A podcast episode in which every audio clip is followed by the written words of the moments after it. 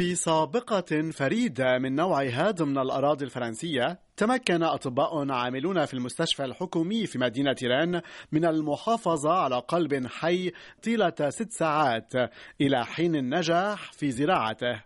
هذه التقنية يعود الفضل في تطوير تكنولوجيتها للأمريكيين الذين كانوا أول من نجحوا في تصورها وأعطوا تسمية للآلة التي تنجزها Organ Care System. وضعت هذه التقنية حيز التنفيذ في أستراليا وبريطانيا بادئ الأمر إلى حين دخولها إلى فرنسا منذ سنة تقريبا. يستخرج القلب في هذه التقنية حينما يكون المتبرع ما زال قلبه ينبض بالحياة على الرغم من وفاة دماغ الإنسان.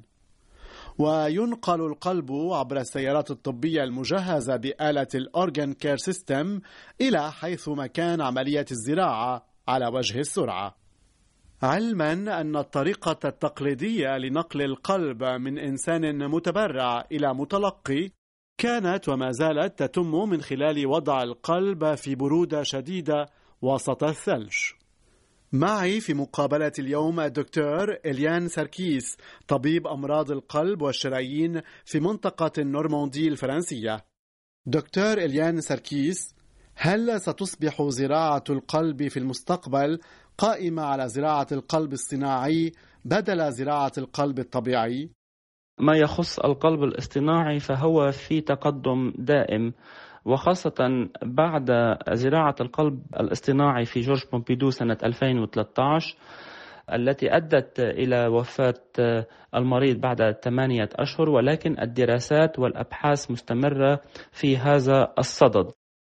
طبعا بين الزراعة التقليدية وزراعة القلب الاصطناعية هناك النتيجة واضحة وهي لمصلحة الزراعة التقليدية. أما اليوم آه، فلا حل لنا إلا أن ندعم الأبحاث والدراسات لزراعة القلب الاصطناعية لأننا اليوم آه، نعاني وخاصة المراكز الكبيرة والمستشفيات المعنية بزراعة القلب تعاني بنقص دائم من المتبرعين. ونرجو آه، من الأبحاث أن تتقدم بشكل سريع لأن لائحة المرضى تطول وتطول. في الختام أشكر الدكتور إليان ساركيس وألفت إلى أن العيب الوحيد لزراعة القلب وفق شروط النقل ضمن آلة ال Organ Care System يتلخص بالتكلفة الباهظة التي تصل إلى 30 ألف يورو. أما المكاسب التي يحصلها جراح القلب من هذه التقنية فتشمل مكسبين الأول لا داعي بعد اليوم لتعب إعادة تشغيل القلب كما يحصل في تقنية زراعة القلب الذي احتفظ به وسط الثلج. بخصوص المكسب الثاني الذي تؤمنه آلة ال Organ Care System تظل صلاحية زراعة القلب واردة ما بعد مرور ست ساعات على استخراج القلب من المتبرع بينما حينما يحتفظ بالقلب وسط الثلج تظل صلاحية الزراعة واردة بعد مرور أربع ساعات كحد أقصى.